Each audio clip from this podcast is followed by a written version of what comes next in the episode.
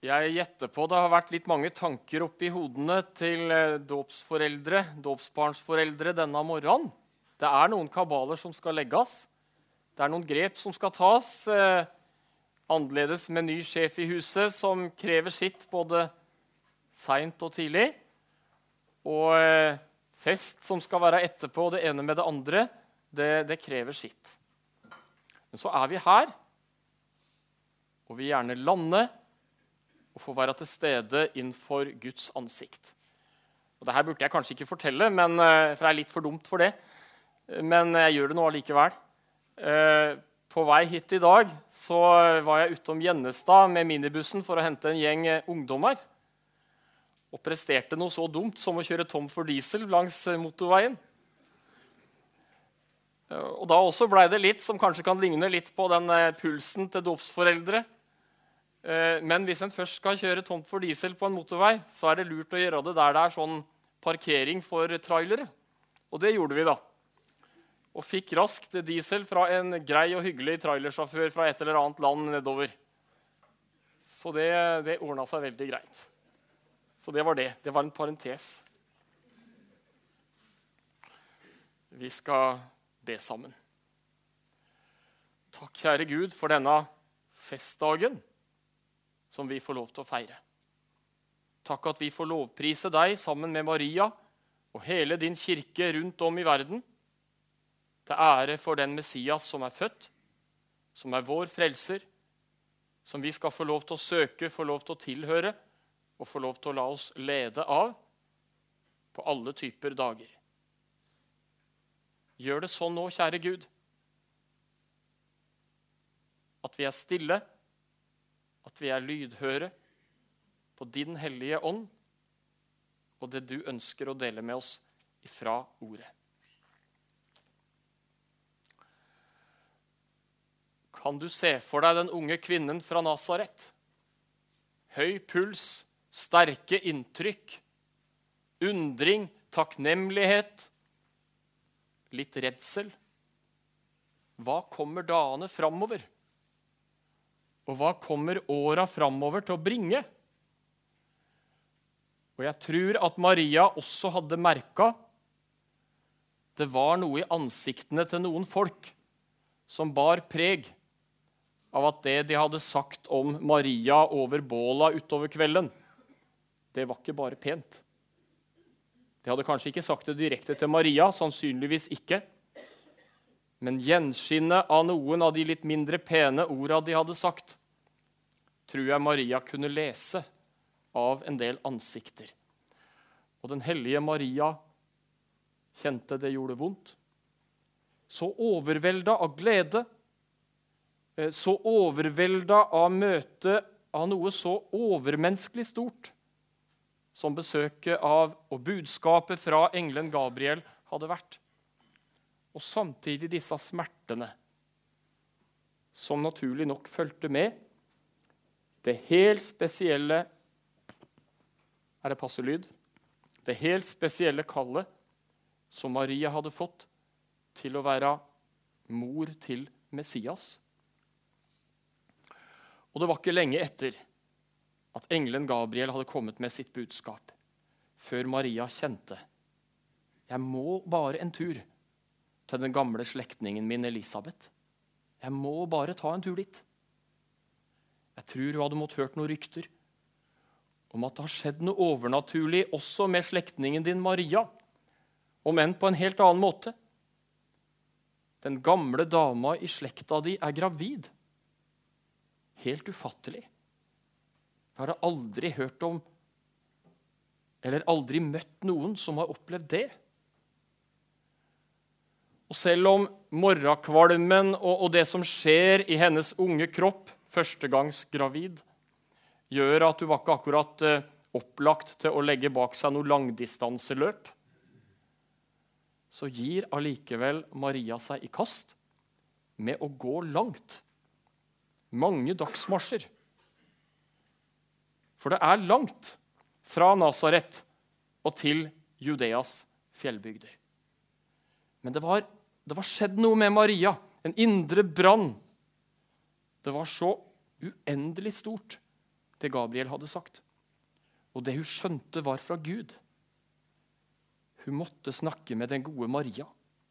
Ånd, den åndens kvinne Nei, den gode Elisabeth, mente jeg å si. Den åndens kvinne, Elisabeth. Hun måtte få lette hjertet. Hun måtte få uttrykke gleden, takknemligheten og forventningen. Og kanskje også lette hjertet for noe av det vonde. Noe av det trøblete.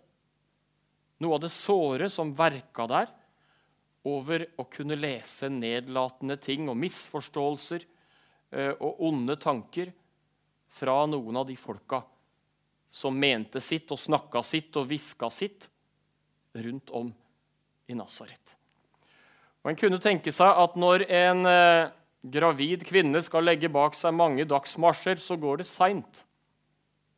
Men det gjorde det ikke med Maria. Det er understreka i teksten Maria skynda seg. Det var så viktig. En indre brann var satt i gang i kvinnen fra Nasaret. Og Kan du se for deg situasjonen når Maria kommer fram? Kan du se det for deg? De to gravide. Hjerteligheten. Hvordan de omfavner hverandre, kysser hverandre. Hvordan det er noe helt spesielt imellom de to gravide, som har sett noe i åndens verden som ingen andre var i stand til å forstå så godt som akkurat de to. Av hvilke tanker og hvilke opplevelser de bar på i sitt indre. Og så blei det nok mye prat sånn fra kvinne til kvinne der i eh, Judeas fjellbygder. Og jeg syns det er sterkt å, å, å, høre hilsenen fra den gamle. Og, merke noe av enheten, eh, nærheten, åndsforeningen mellom den gamle og den unge. Det er noe veldig stort når det skjer, som ofte kan være til så stor gjensidig berikelse. For gamle og unge er skapt for hverandre. Og det er godt når vi oppdager det. Og vi har veldig bruk for det, begge parter. Eh, Maria kommer inn til, Elisa, eh, til Elisabeth. Og da sparka barnet i magen. Da sparka barnet i magen. Gud gjorde det sånn at den ufødte Johannes var med å hylle den frelser som skulle bli født. Blei brukt av Gud til å være med i hyldestønn. det var jo ikke noe vanskelig for Gud å få til det. Han er i stand til vanskeligere ting enn det. Og så sier, eh, så sier Elisabeth, 'Hvordan kan det skje at min Herres mor kommer til meg?' En undrende takknemlighet. Elisabeth skjønte. Det er min Herres mor. Det er mammaen til Messias. Nå har hun kommet her til vår enkle leilighet i Judeas fjellbygder. Et underlig fortetta møte mellom to gravide. Og så begynner Maria å synge. Så begynner Maria å lovsynge. Og Det er en lovsang. Jeg skjønner ikke alltid den lovsangen. Det er en del ting jeg bare må undre meg over. Men det er en mektig lovsang. Det er en lovsang som har brent seg inn i verdenslitteraturen. Og de første tilhørerne til denne lovsangen, det var to ufødte gutter. Tenk på det. Marias lovsang. Min sjel opphøyer Herren, og min ånd fryder seg i Gud, min frelser. Den høystemte lovsangen. Gleden, jubelen, takknemligheten. En frelser en frelser underveis. Det folk hadde lengta etter, det folk hadde bedt om, det folk hadde håpa på, og det du og jeg også er avhengig av. En frelser for syndere. Håp og redning for det evige liv. Og Det står ikke noe om at Gabriel hadde bedt Maria om å lovsynge. Men jeg tror det var noe med frelsesbudskapet som gjorde at det bare brøyta seg fram. Hun kunne ikke la være å gjøre det. gleden bare brøyta seg fram, så stort som det var. Den ild fra Den hellige ånd som var tent. Og det innsikt i troens og frelsens eh, mysterium som Maria hadde fått, og som den andre gravide kvinnen, Elisabeth, hadde fått. Og jeg ser for meg at kanskje spurte Elisabeth, kanskje spurte den aldrende, gråhåra kvinnen, tvilte du, Maria? Tvilte du på det engelen sa? Nei.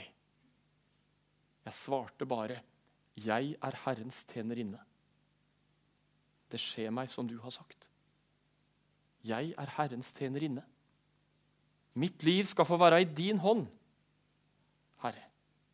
Så fri, så overlatt.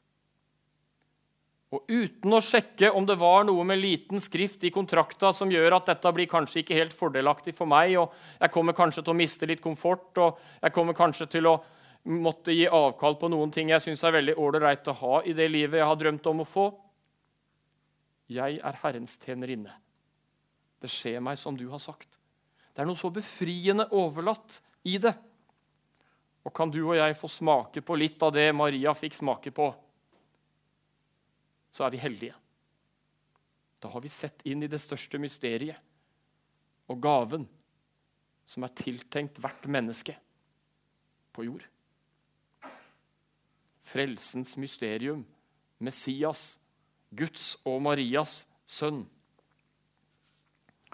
Og så er det en annen side i den lovsangen som Elisabeth hørte på, og som de to fostra hørte på. Og det er han gjorde storverk med sin arm. Og så står det noe om at han spredte dem som hadde hovmodstanker i hjertet. Maria synger noen underlige ord i sin lovsang, som er gjennomgående i evangeliene og i Bibelen. Han er kommet for de små. Han er kommet for de som er avhengig av å få. Tru er ikke noe vi får til. Tro er ikke noe som ressurssterke, flinke, dyktige mennesker klarer å mobilisere og ordne. Men tro er en gave. Det er for de små, og det er for alle. Det er for alle. Det har Gud tenkt, og det har Gud ordna. Og det lovpriser Maria. Det jubler Maria over at det er for de som er avhengig av å få. Som ikke har spesielle religiøse anlegg, som ikke har spesielt åndelige muskler til å få dreis på den åndelige stemningen, eller hva det måtte være vi skal prøve å dressere oss sjøl til å få til. Maria lovpriser for at det er nettopp for sånne som ikke er i stand til å få det til sjøl. Som er like avhengig av at det blir gitt, som Simon, som skal døpes her i dag. Vi er i den posisjonen alle når det gjelder forutsetningene for å kunne skape tro. Og den tonen og den strengen er sterkt med i Marias lovsang.